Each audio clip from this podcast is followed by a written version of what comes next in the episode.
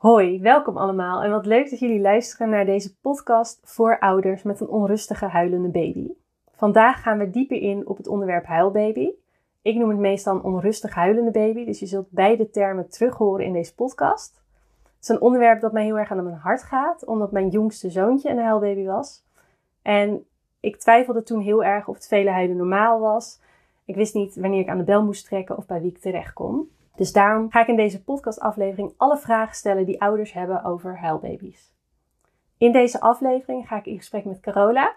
Zij is kinderarts in opleiding en expert op het gebied van huilbaby's. Ze komt dagelijks in aanraking met ouders wiens baby opgenomen eh, wordt in het ziekenhuis.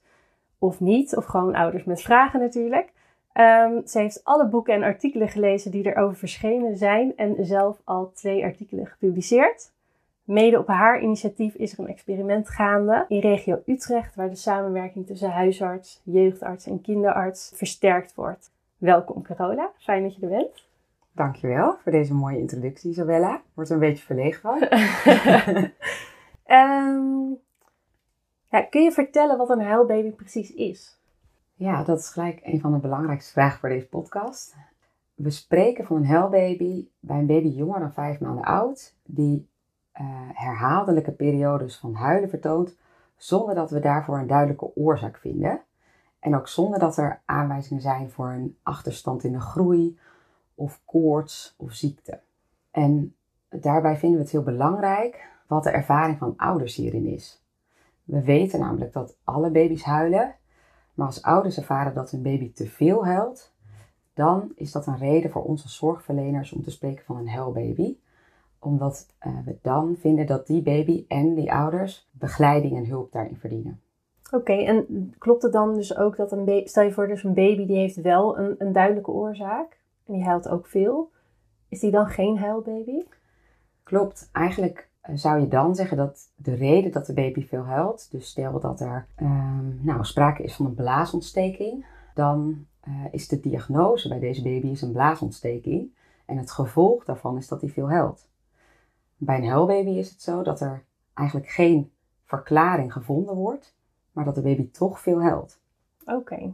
En stel je voor, de diagnose is koemelkallergie. En dat is niet iets dat van de een op de andere dag weer over kan gaan. Maar die baby huilt ook veel.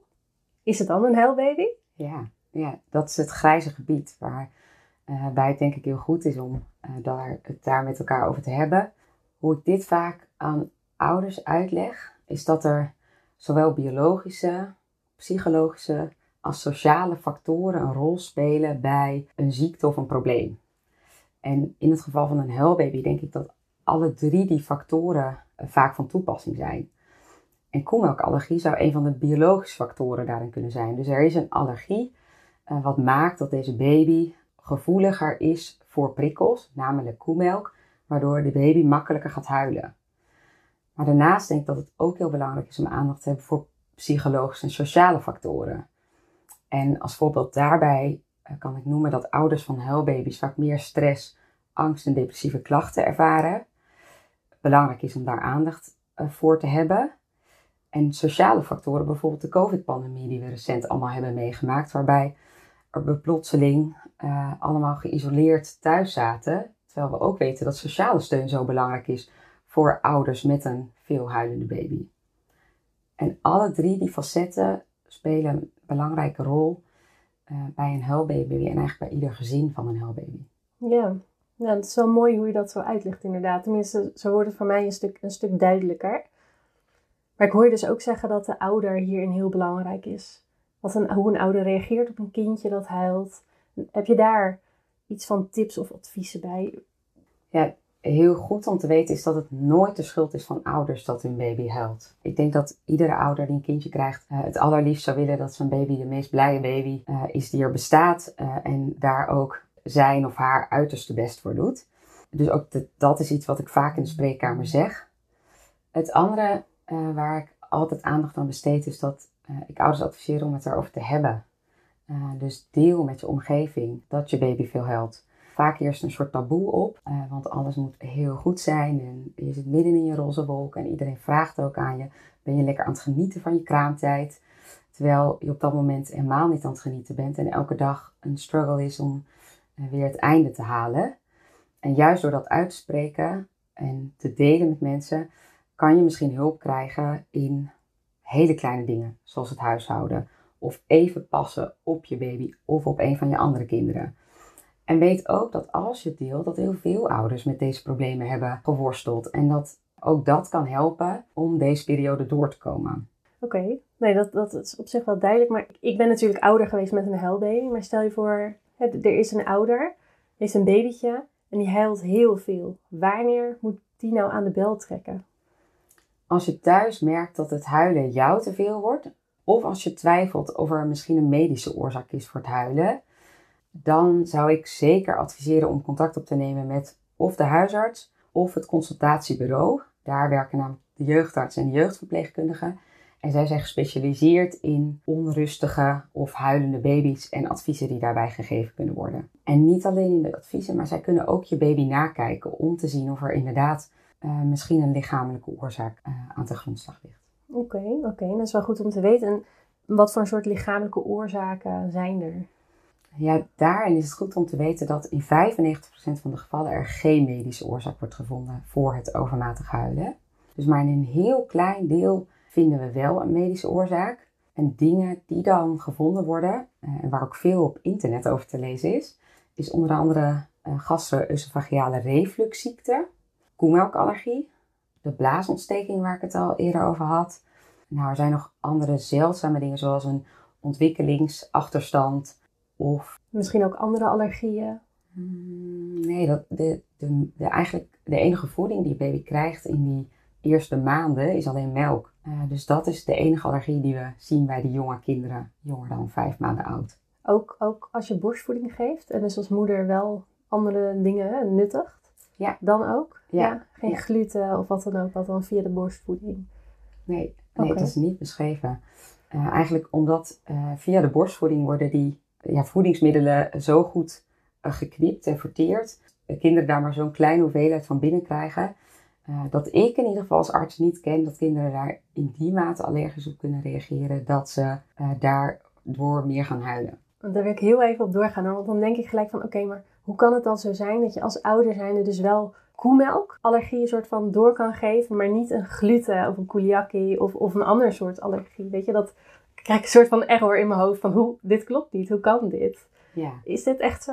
Ik weet hier niet zoveel over. Uh, ik hoorde in de introductie zeggen dat ik expert was op het gebied van huilbaby's, maar mhm. dus nog geen expert op het gebied van allergieën. Nee, duidelijk. Maar wat ik heb geleerd, of, of hoe, wat ik wel weet, is dat ook voor koemelk uh, de kans dat je een koemelkallergie ontwikkelt terwijl je als moeder borstvoeding geeft, uh, is veel minder groot dan als je kunstvoeding geeft. Mm, um, omdat je dus die veel kleinere stukjes eiwit krijgt. Precies ook waar die koemelkvrije voedingen op gebaseerd zijn. Oké, nou dan gaan we daar verder nu niet verder op in op de allergie. Maar ik was gewoon getriggerd door wat je zei en ik dacht van nou misschien, uh, ja, hoe werkt dit dan? Ja, nog een hele kleine toevoeging. Uh, want uh, dat je in die eerste vijf maanden die allergie niet kunt ontwikkelen of daar geen klachten van kunt hebben, betekent natuurlijk niet dat je niet allergisch kunt zijn. Mm -hmm. Maar vaak komen die symptomen daarvan pas als je zelf die voedingsmiddelen gaat nuttigen. Dus als je zelf boterhammen gaat eten als kind, ja. dan kan zo'n celiakie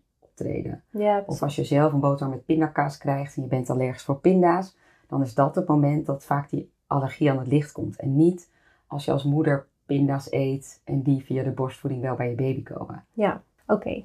En nog heel even terug dan over het, het huilbaby zijnde. Want je zegt ook, uh, als in de eerste vijf maanden een baby uh, veel huilt zonder duidelijke oorzaak, is het een huilbaby.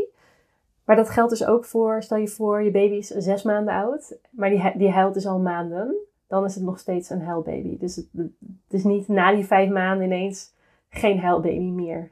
Ja. Klopt dat? Dat is een hele leuke vraag ook weer. Um, want specialisten hebben over deze definitie nagedacht en hebben de afkapwaarde uh, gesteld bij vijf maanden, omdat vaak in de periode daarna, uh, nou ja, baby's ouder worden en er dus veel andere oorzaken ook een rol kunnen spelen bij klachten van geprikkeld zijn of huilen of onrust. En in die eerste vijf maanden weten we dus dat het maar bij 95% van de gevallen geen medische oorzaak is. En daarom kan die definitie van een huilbaby daarop van toepassing zijn. Ja. Maar uh, er zijn ook ontwikkelingen gaande die de definitie willen gaan uitbreiden naar de leeftijd tot één jaar. Precies om wat jij eigenlijk aangeeft, is dat baby's die onrustig zijn in die eerste maanden, dat nou, in een groot deel stopt dat uh, rond drie, vier maanden. Dat is de normale huilcurve. Maar bij sommige kinderen blijft dat ook een beetje doorsudderen.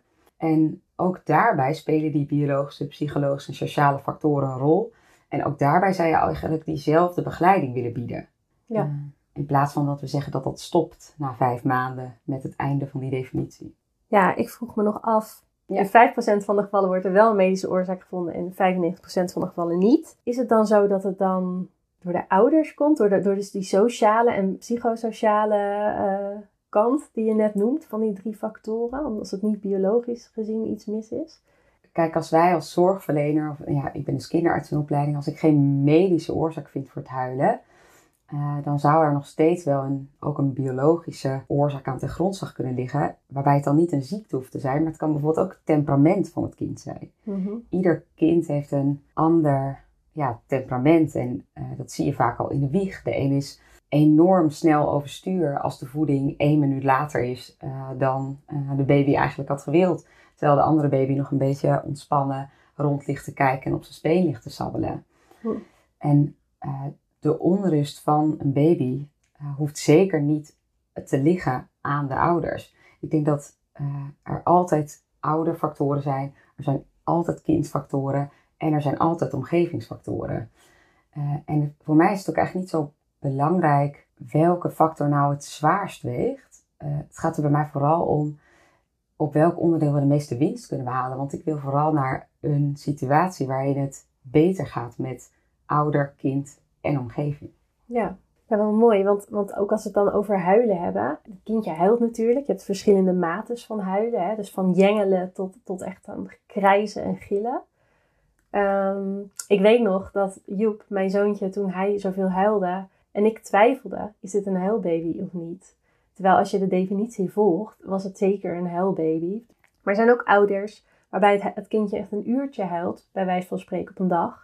Um, die ook het gevoel hebben dat het een huilbaby is. Dus het is ook heel erg, ja, het is ook heel erg persoonlijk. Ja, ja, zeker. En ik zou dus vooral ook echt iedere ouder willen uitnodigen dat als je daarover twijfelt of als je het uh, gevoel hebt, hé, hey, dit klopt niet of uh, eigenlijk als je jezelf de vraag stelt, is dit normaal? Mm -hmm. uh, dan mag je die vraag ook delen met mensen die hierin gespecialiseerd zijn. Dus je, bij het consultatiebureau of je huisarts. Zoek, ja, zoek daar de hulp. Oké, okay. en als we daar dan eens over hebben, want we hebben natuurlijk inderdaad de huisarts en de, en de jeugdarts van het consultatiebureau. Wanneer ga je nou naar wie? Ja. Met welke vraag? Nou, bij de jeugdarts en de jeugdverpleegkundige op het consultatiebureau komen alle kinderen. Bij één maand, twee maanden, uh, volgens mij bijna iedere maand in die eerste periode. Zij controleren de groei uh, en de ontwikkeling van iedere baby. Uh, en daarnaast geven ze natuurlijk de vaccinaties. Maar zij zijn er ook om eventuele problemen in die eerste periode te signaleren en met ouders mee te denken over hoe ze daar het beste mee om kunnen gaan. Dus naar mijn idee is dat de beste plek om het te bespreken. Maar voor iedereen is dat persoonlijk. Uh, soms heb je een hele goede band met je huisarts. En kun je daar uh, makkelijker terecht voor bijvoorbeeld een afspraak. En dan is dat ook een goede route. Wij zijn alleen dus in regio Utrecht bezig om ervoor te zorgen dat zowel de huisarts als de jeugdarts hierin samenwerken. Om te voorkomen dat ouders bijvoorbeeld naar de huisarts gaan en daar bepaalde adviezen krijgen. En dan een week daarna op het consultatiebureau komen voor een reguliere controle. En daar mogelijk andere adviezen krijgen. Dus idealiter zou je naar de jeugdarts gaan hiervoor. Maar in de meeste gevallen is het makkelijker om een afspraak te maken met je huisarts. En dan is dat ook een prima route. Ja, het zou en, makkelijker kunnen zijn. Ja, dat ja. Het verschilt denk ik. Verschilt per regio. Ja, ja. ja. oké. Okay. En ja, zoals je al vertelde, in, in Utrecht zijn jullie dus bezig met een, kan ik het experiment noemen? Of is het geen experiment meer? Een studie. Een studie, Ja, oké. ja. Met een studie, ja. Ja. Waarin, als ik het goed begrijp, je als ouder met een, een huilbaby bij de huisarts komt of bij de jeugdarts. Doorverwezen wordt naar de kinderarts en binnen drie dagen er een plekje is bij de kinderarts. Zodat je op gesprek kan komen. Met wel als toevoeging dat in principe nog steeds de huisarts en de jeugdarts onrustige of huilende baby's eh, het allerbeste eh, zelf kunnen behandelen. Maar als er redenen zijn bij of de huisarts of de jeugdarts of de ouders om te denken aan een medische oorzaak uh, waarbij onvoldoende geruststelling bereikt kan worden in die setting van de huisarts of de jeugdarts, dan kan het een reden zijn om te overleggen met de kinderarts en kan die verwijzing plaatsvinden. En dan is er de mogelijkheid inderdaad om binnen drie werkdagen een afspraak te krijgen. Dus niet alle kinderen die heel veel huilen, uh, worden gezien in regio Utrecht door de kinderarts. Ah, vandaar. Ja. Oké.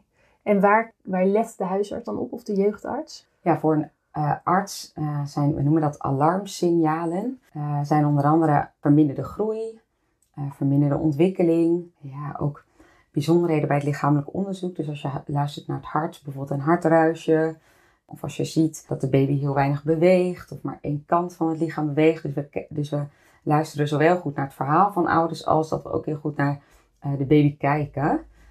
Is dit een kindje wat uh, op een normale manier zich gedraagt zoals je zou verwachten voor deze leeftijd? Ja. En stel je voor, er komt een kindje en die heeft dus wat meer uitslag bijvoorbeeld. Wordt hij dan ook doorverwezen naar de kinderarts? Of Ja. naar de dermatoloog? Of hoe werkt dat? En uh, nu bedoel je denk ik huiduitslag, toch? Huiduitslag, ja. ja, ja. Uh, dat ligt denk ik heel erg aan de huisarts of de jeugdarts. Uh, waar je mogelijk op doelt is het huiduitslag bij een mogelijke koemelkallergie. Mm -hmm. Uh, stel dat de huisarts ziet dat de baby, de huisarts ziet dat de baby huiduitslag heeft. En er zijn ook andere signalen van koemelkallergie, zoals spugen of moeizame ontlasting. En er is, komt koemelkallergie voor in de familie. dan kan de huisarts daar bijvoorbeeld ook zelf aan denken. En op dat moment ervoor kiezen om koemelkvrije voeding te starten op proef. Oké. Okay. Twee weken lang, om te kijken of dat de symptomen verbetert. Stel dat dat het geval is, dan heeft de huisarts eigenlijk een goede diagnose gesteld en kan uh, daarmee door uh, worden gegaan.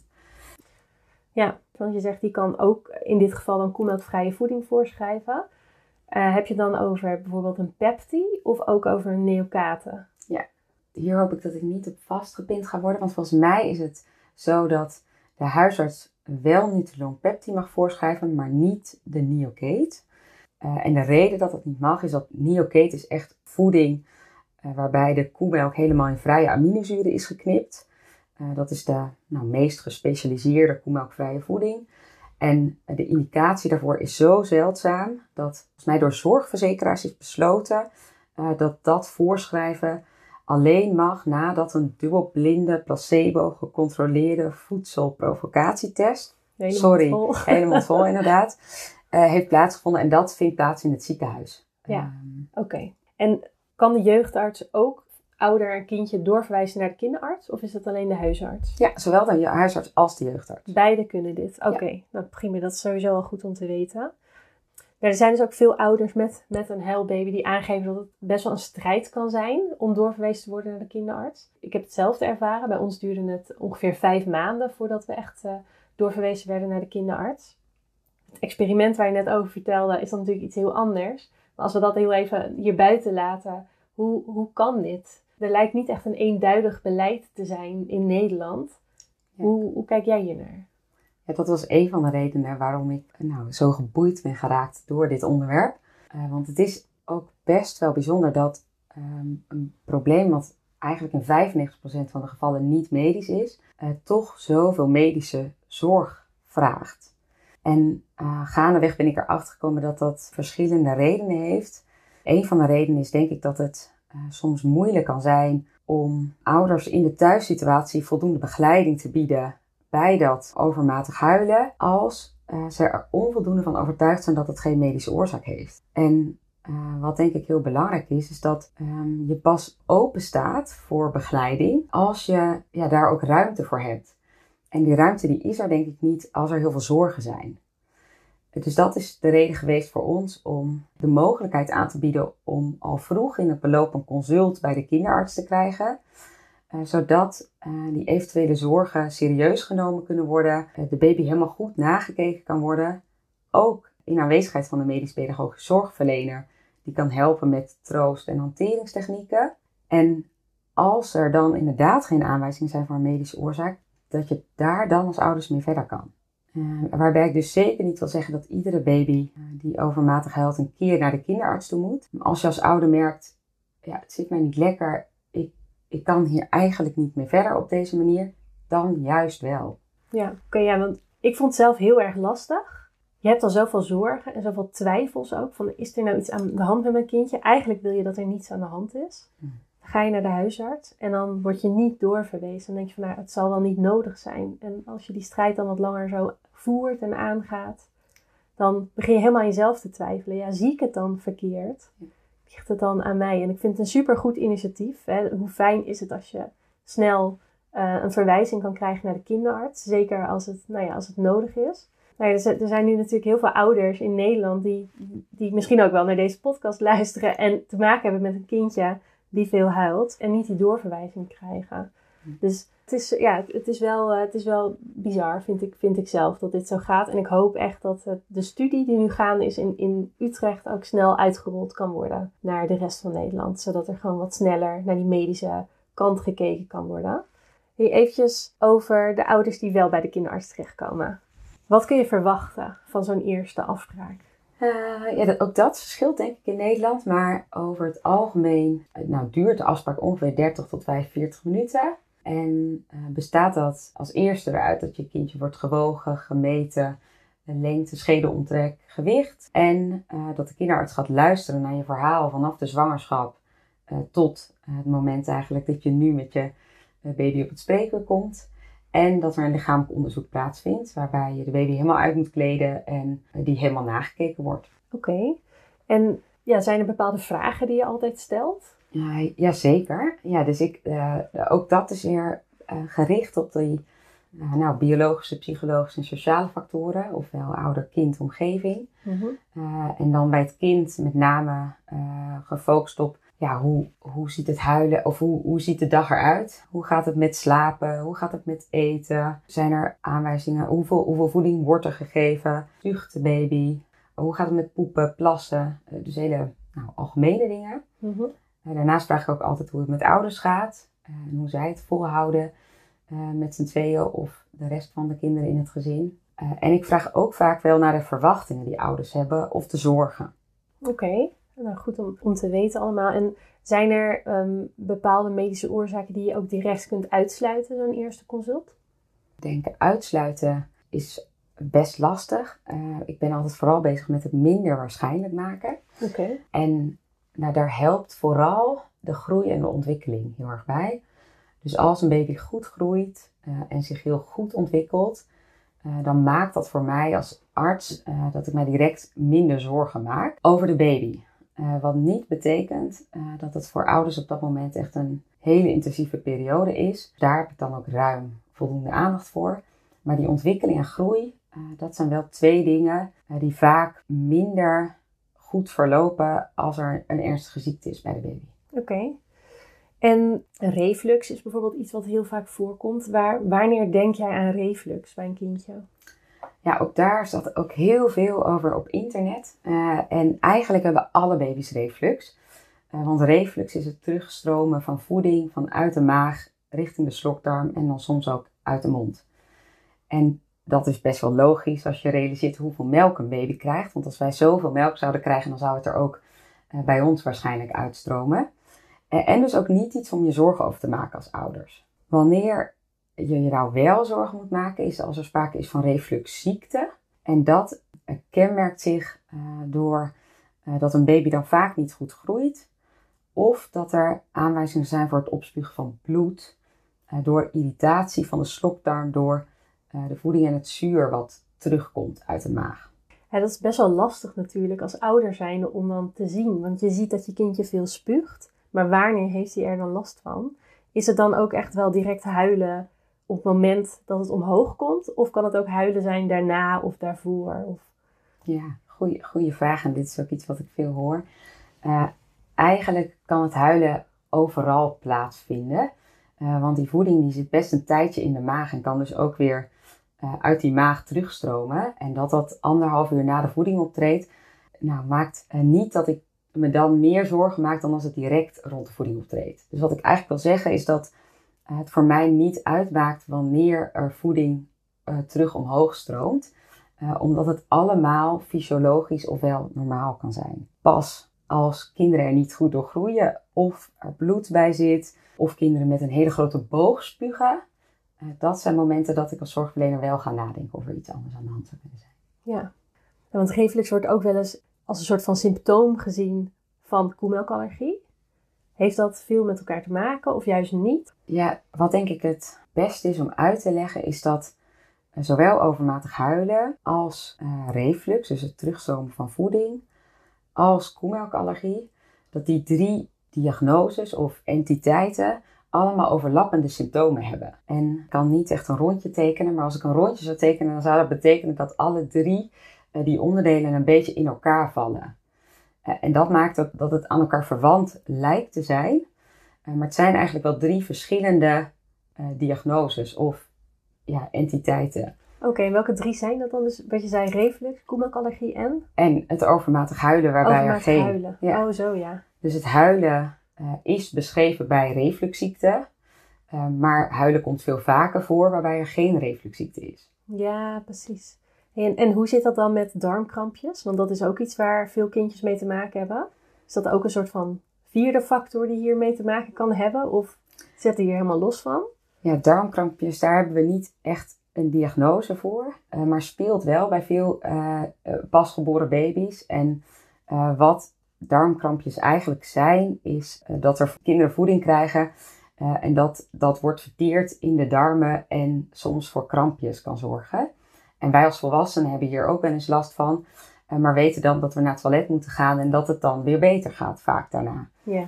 Maar baby's hebben, zijn eigenlijk nog heel erg in ontwikkeling. En moeten dus ook uh, dat coördineren van, nou ja, krampjes en het poepen nog aan elkaar koppelen. Dus wat je soms ziet is dat kinderen heel hard aan het persen zijn, maar dat er daarbij geen ontlasting komt. En dat kan ontstaan doordat ze eigenlijk nog niet goed weten hoe het aanspannen van je buikspieren moet worden gecombineerd met het ontspannen van je kriepspier, waardoor de ontlasting eruit komt. Oké. Okay veel ouders interpreteren dat als mijn kind heeft heel veel pijn, want die is zo hard aan het persen en uh, die is zo hard aan het huilen ook. En dat hoeft niet zo te zijn, want huilen is bijvoorbeeld ook een manier om uh, ontlasting eruit te krijgen. Dus dat huilen op dat moment hoeft niet te betekenen dat je baby pijn heeft. Het kan ook dat hij huilt juist om te kunnen poepen. Oké, dat is bijzonder, want dit heb ik nog niet eerder gehoord. Dus nu leer ik ook weer wat nieuws. Ander vraagje. Is er een verschil hoe jij omgaat met een ouder die bij jou op de poli komt, waarvan het het eerste kindje is, of die al een, ja, waarvan het het tweede, derde, vierde, vijfde kindje is? Leuke vraag. Ik denk het eigenlijk niet, uh, want ik probeer eigenlijk iedere hulpvraag uh, weer te zien als een unieke vraag. Uh, en of het nou het eerste kind van ouders is wat veel huilt, of het vierde kind van ouders, waarbij er drie kinderen zijn geweest die niet veel huilden en de vierde wel, dat maakt voor mij niet zoveel uit hoe ik het gesprek insteek. Behalve dat ik bij die vierde soms wel vraag uh, aan ouders hoe zij denken dat het kan, of, of, welke gedachten zij erover hebben, waardoor dit kindje veel helpt. En waarbij ik niet vraag van de ouder om de hulpvraag waarmee ze bij mij komen op te lossen. maar vooral omdat ik denk dat ja, ouders zitten thuis met hun baby en die hebben hier ongetwijfeld over nagedacht ben altijd heel benieuwd naar die gedachten en wat ik daarin kan betekenen. Ja, en denk je dat het mogelijk is dat, stel je voor je eerste kindje heeft koemelkallergie of reflux of iets anders, dat het tweede kindje het, het ook heeft? Is ja. de kans dan groter dat je tweede of derde kindje hetzelfde hebben? Of ja, uh, die kans is groter, want we weten dat, nou vooral voor koemelkallergie weet ik dat, refluxziekte weet ik dat niet zeker, maar koemelkallergie wel. Dat als er in de familie koemelkallergie voorkomt, uh, dat de kans uh, dat een ander familielid dat heeft, dat dat groter is dan bij families waarbij geen allergieën voorkomen. Oké. Okay. Ja, en uh, stel je voor, er komt dus toch een, een, een, ouder bij jou um, en na nou ja, meerdere afspraken komt er geen medische oorzaak uit. Wat doe je dan?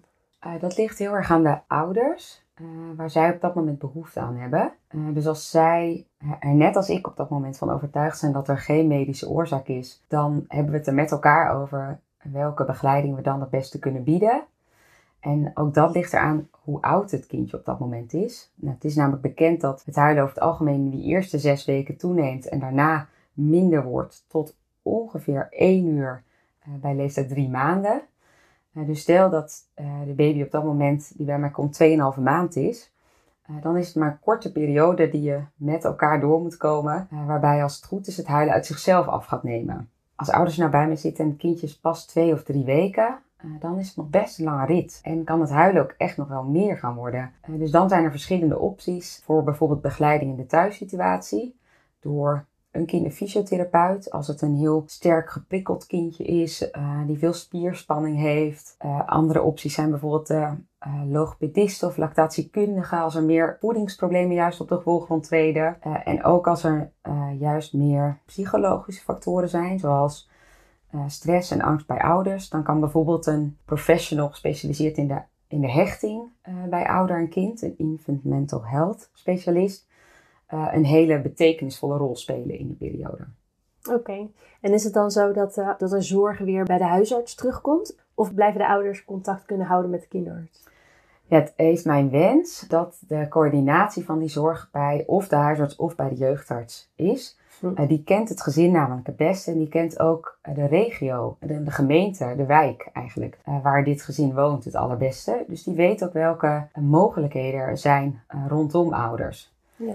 En als ziekenhuis heb je, heb je eigenlijk best wel een nou ja, geïsoleerde functie, waarbij je niet bij ouders in de wijk zit. Ja. Dus juist, dat is juist de kracht van de huisarts en de jeugdgezondheidszorg. Oké, okay, duidelijk. Ja, er zijn dus ook ouders die aangeven dat ze zich niet serieus genomen voelen of niet gehoord voelen. En dat komt onder andere door het advies van rust en regelmaat. En er wordt ook heel vaak gezegd: het gaat vanzelf wel over of het hoort erbij. Ja, wat vind je, wat vind je daarvan als je dat zo hoort? Ja, ik begrijp het gevoel zeker en uh, vind het ook uh, nou, niet leuk om te horen uh, dat er ouders zijn die het gevoel hebben dat ze niet serieus genomen worden of niet gehoord worden. En nou, ook dat was een van de redenen om de zorg te gaan veranderen en met elkaar de handen ineen te slaan. Dus de huisarts, de jeugdarts en de kinderarts van hoe kunnen we dit beter doen? Want ook wij, ook ik, hoor deze verhalen in mijn spreekkamer en ja, dit, dit wil je niet. Moeilijk is wel dat die uh, rust, reinheid, regelmaat ook juist iets is waarvan we wel denken dat het de prikkels voor baby's kan verminderen, waardoor ze misschien minder gaan huilen. Minder overprikkeld zijn bedoel je? Ja, ja dus er, we denken dat er een relatie is tussen de hoeveelheid prikkels en de onrust die baby's ervaren. En dat je dat kunt verminderen door rust, reinheid en regelmaat. Alleen, eh, nou, ik ben ook heel benieuwd hoe jij erover denkt. Eh, wat we denk ik veel beter kunnen doen in de gezondheidszorg, is vragen aan ouders waar ze op dat moment behoefte aan hebben. Dus, goh, je, je, je komt hier, je bent verwezen via de huisarts uh, of de jeugdarts. Uh, wat heb je al gehoord aan tips? Uh, wat is je gelukt om toe te passen? En wat maakt dat je hier bent? En wat kan ik daarin op dat moment betekenen? In plaats van dat we met elkaar hetzelfde riedeltje af gaan steken, waardoor je denkt: ja, ik ben weer in eenzelfde consult beland en ik wil nu dat er een keer iets gaat gebeuren. Ja, heel herkenbaar. Datzelfde riedeltje inderdaad. Ik heb zelf het idee dat iedereen me probeert gerust te stellen. Dat mijn ouders deden dat ook en mijn vrienden en familie deden dat allemaal. Uh, en de zorgverleners natuurlijk ook. Het is natuurlijk heel belangrijk hè, dat de ouder inderdaad rustig is. Want hoe rustiger de ouder is, hoe rustiger het kindje weer wordt. Of hoe sneller in elk geval het kindje weer, weer rustig kan worden. Ja, maar ik denk wel inderdaad dat het heel belangrijk is dat er soort van tussen de jeugdarts, huisarts en kinderarts overlegd wordt. Oké, wie, wie stelt welk advies voor? Zodat niet een ouder drie of vier keer hetzelfde advies krijgt van een zorgverlener. Voordat er ja, doorgegaan wordt met andere mogelijke onderzoeken die er, die er nog zijn. We hadden het dus over ouders die ofwel het gevoel hebben niet serieus genomen te worden, ofwel waar er geen medische oorzaak voor is. Nou ja, ofwel natuurlijk. Maar wat er gebeurt is dat er dus nog een heel scala aan andere hulpverleners zijn, waar ouders ook terecht kunnen. Dus precies wat ik ook gedaan heb. Op een gegeven moment, ik werd niet echt serieus genomen door de huisarts. Dus ik ging naar een osteopaat en een homeopaat en een, een mesoloog, kinesioloog. Gewoon iedereen die mij maar wel kon helpen. Zo zijn er heel veel verschillende zorgverleners. Welke zorgverleners zijn volgens jou interessant voor ouders? Waar ouders terecht kunnen met een huilbaby? Zorgverleners waar ik zelf uh, regelmatig contact mee heb en naar verwijs zijn dus onder andere kinderfysiotherapeut omdat die echt enorm goed is in het beoordelen van de ontwikkeling en de bewegingen van een kind. als ook in het geven van adviezen in hoe je het beste met je baby kunt omgaan. Dus hoe kan je hem het beste uh, hanteren, verzorgen, hoe kun je het beste omgaan met de prikkels. Uh, en ook aandacht heeft voor de ouder in dit geheel. waarbij de kinderfysiotherapeut ook bijvoorbeeld vaak thuis kan komen of de ouder en het kind samen kan observeren. Bij voedingsproblemen lactatiekundige of een logopediste preverbaal, waarmee ik bedoel dat dat voor het spreken is. Bij de hechting de infant mental health specialist. Eh, ik denk de POH van de huisarts voor ouders die eh, stress, angst of depressieve klachten ervaren. Wat is dat? Wat zei je? Oh, sorry, de POH, de praktijkondersteunende oh, okay. hulp van de huisarts. Of de huisarts zelf als er geen POH is die de praktijk ondersteunt. Uh, want die weet dan, uh, nou, die kan of de gesprekken met ouders zelf doen of verwijzen voor een afspraak bij een psycholoog. Mhm. En juist heel belangrijk om dat al in een vroege fase te doen. Omdat, nou ja, hoe langer je daarmee wacht, hoe erger die klachten ook kunnen worden.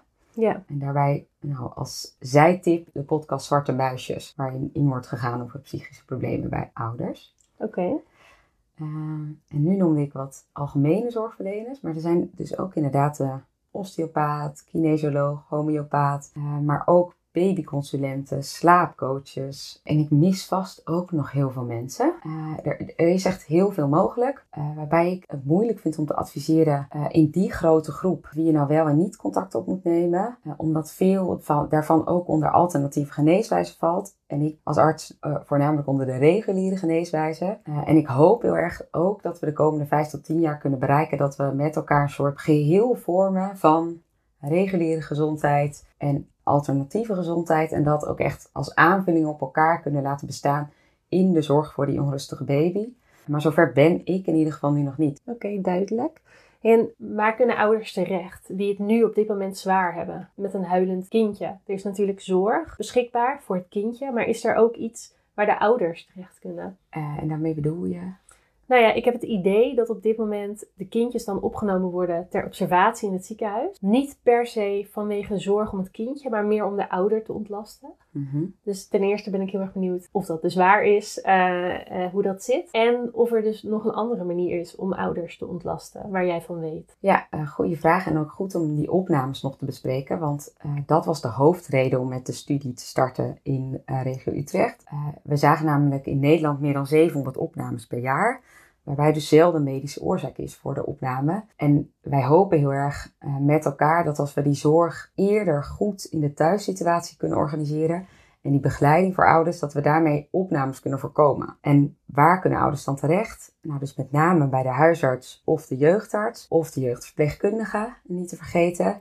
En ik hoop dat die in lokale netwerken uh, de juiste zorgverleners op het juiste moment in kunnen schakelen. Dus kunnen zorgen dat die kinderfysiotherapeut bij ouders thuis komt. Ervoor kunnen zorgen dat de jeugdverpleegkundige bij ouders thuis komt. Uh, met ouders kunnen kijken welke steun er uit het sociale netwerk kan worden georganiseerd door buren, vrienden, familie, om die periode zo goed mogelijk door te komen. Uh, en inderdaad te voorkomen dat een opname nodig is om ja, ouders eigenlijk weer die ondersteuning te geven. Ja. Of weer tot rust te laten komen.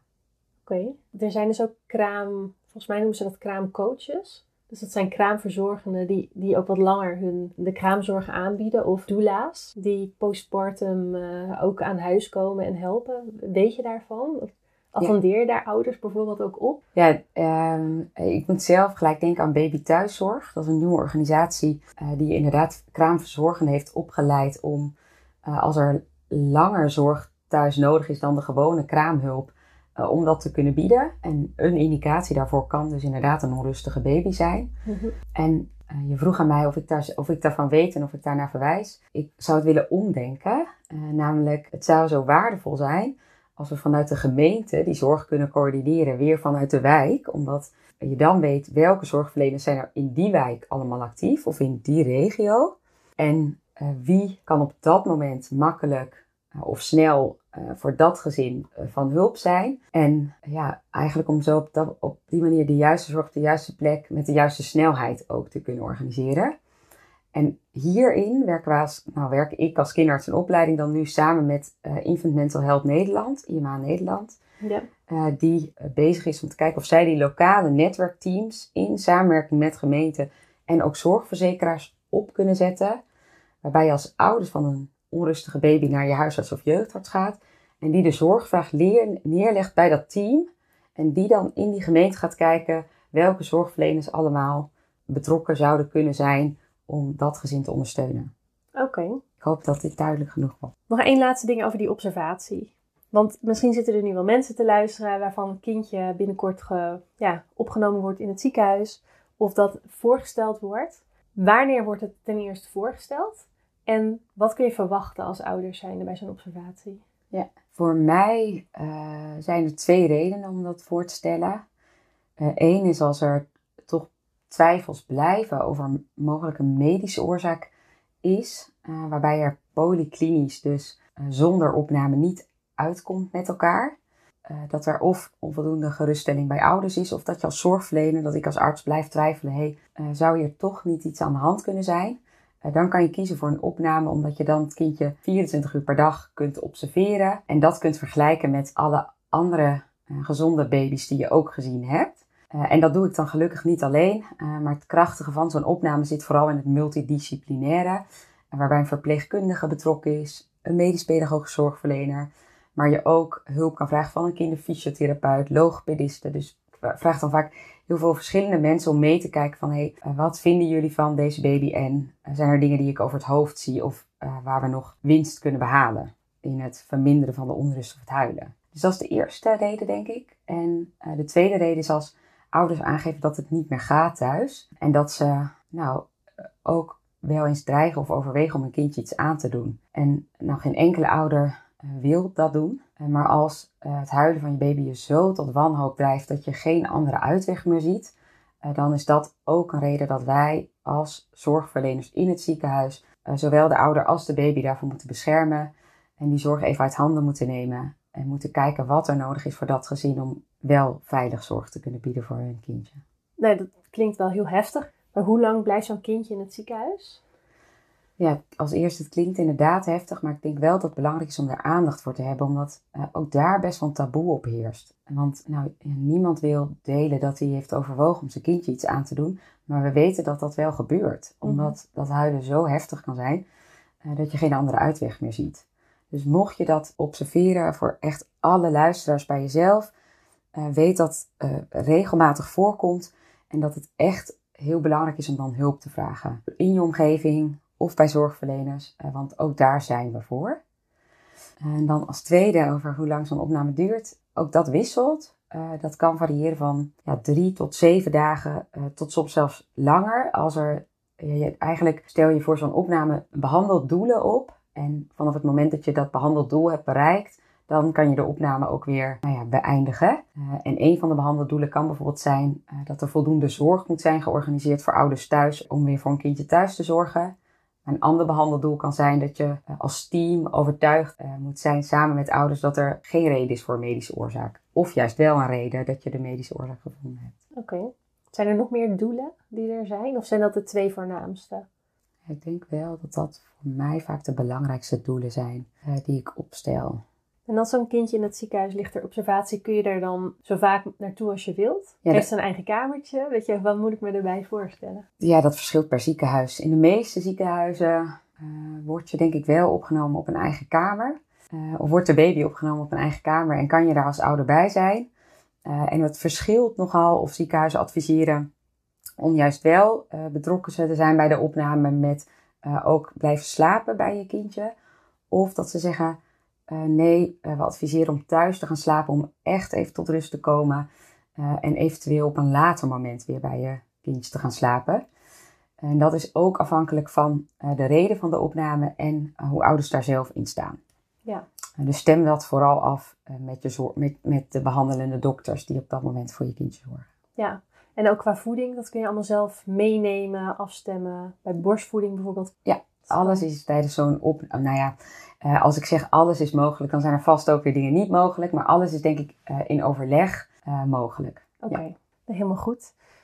Um, ja, nog, nog een vraagje over kinderartsen. Er zijn natuurlijk verschillende specialismen. Welke specialismen zijn er? En kun je daar ook naar vragen als ouder zijnde? ja, dat denk ik wel. Er zijn heel veel verschillende specialismen. Zo heb je een kindercardioloog, die vooral over het hart gaat. Er zijn er kindermaagdarmleverartsen, die heel veel weten over het maagdarmstelsel. Er zijn ook kinderallergologen, die dus heel veel weten over allergie bij kinderen. ja, zo, zo zijn er eigenlijk voor ieder, nou, of bijna ieder orgaan of uh, systeem in het lichaam wel kinderartsen die op dat kleine gebied gespecialiseerd zijn. De grootste groep kinderartsen in Nederland zijn algemeen kinderartsen. Dat betekent dat zij gespecialiseerd zijn eigenlijk in de algemene kindergeneeskunde en het gehele uh, lichaam en functioneren van het kind. En dat zijn ook vaak de kinderartsen die werkzaam zijn uh, in de ziekenhuizen waar je naartoe verwezen wordt.